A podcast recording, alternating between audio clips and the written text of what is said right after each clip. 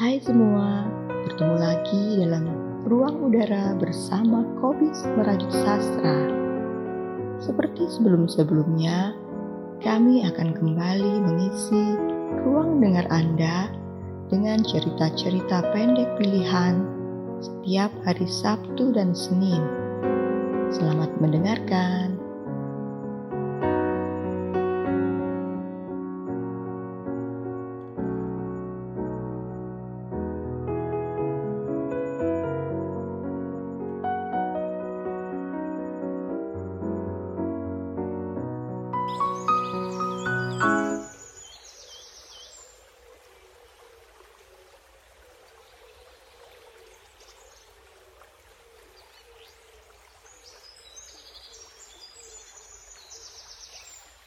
Pada bagian satu diceritakan, Pak Li adalah orang yang selalu baik padaku sejak kecil. Suatu ketika saat aku 15 tahun, aku mendengar Pak Li sakit parah. Kata dokter, banyak penyakit dideritanya. Namun dari kisah yang diceritakan Bulik, tampaknya Pak Li kena batunya kena kutukan. Bagaimana kisah Pak Li dan Riri selanjutnya? Kita ikuti cerita selanjutnya.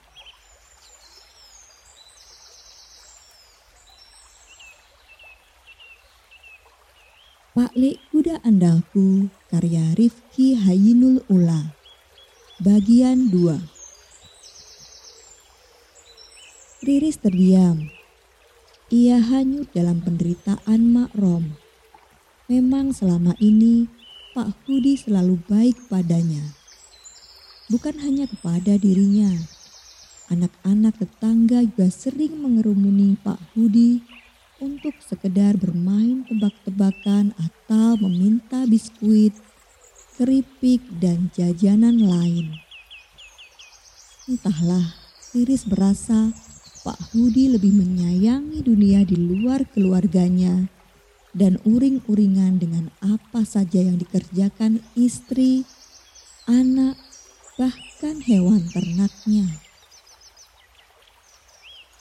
Apa yang diderita Pak Hudi itu sesungguhnya akibat kelakuannya sendiri.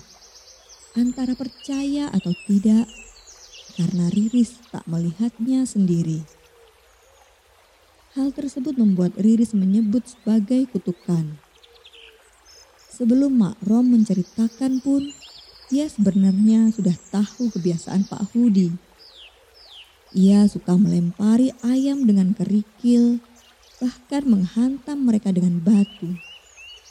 Intinya, sesuatu yang bisa dilempar dan digunakan sebagai senjata agar ayam-ayam itu lenyap dari pandangannya.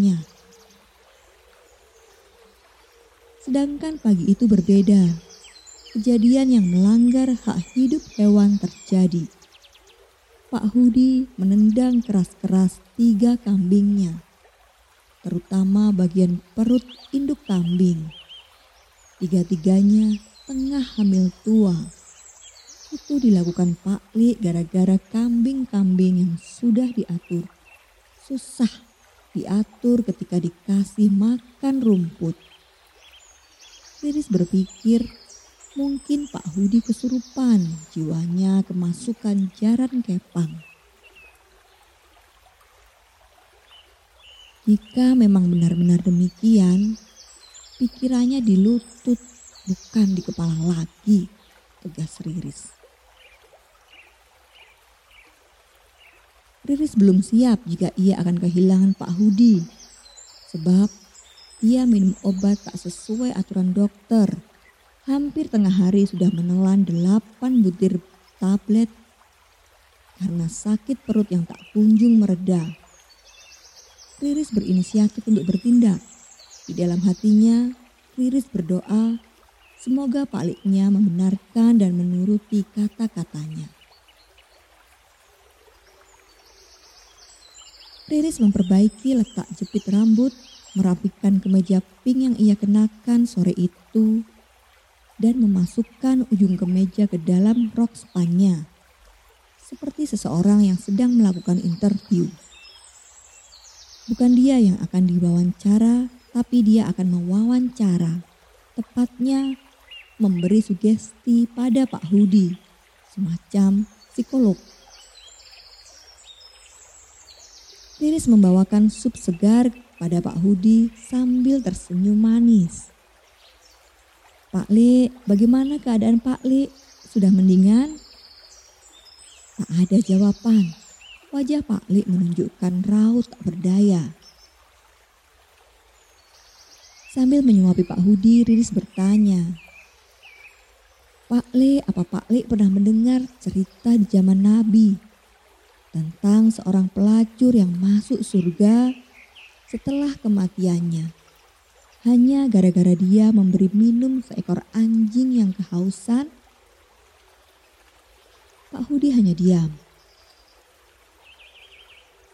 Aku jadi berpikir kalau Tuhan itu selalu mencintai makhluknya.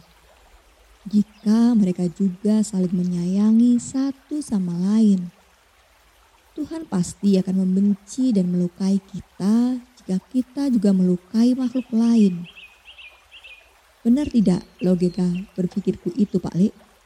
Sambung Riris. Sekarang aku tak mau berbuat jahat, Le. Pada siapa pun. Termasuk pada Kathy dan Maman. Pak Li tahu kan? Kucing sama kambingku itu. Apakah Pak Li selama ini pernah jahat sama bule? Coba diingat-ingat. Sama kambing-kambing Pak Li. Riris bertanya dengan pelan. Lagi-lagi tak ada jawaban, hanya Tangan Pak Li pelan-pelan ditengadahkan. Pak Li komat kami dan meneteskan air mata.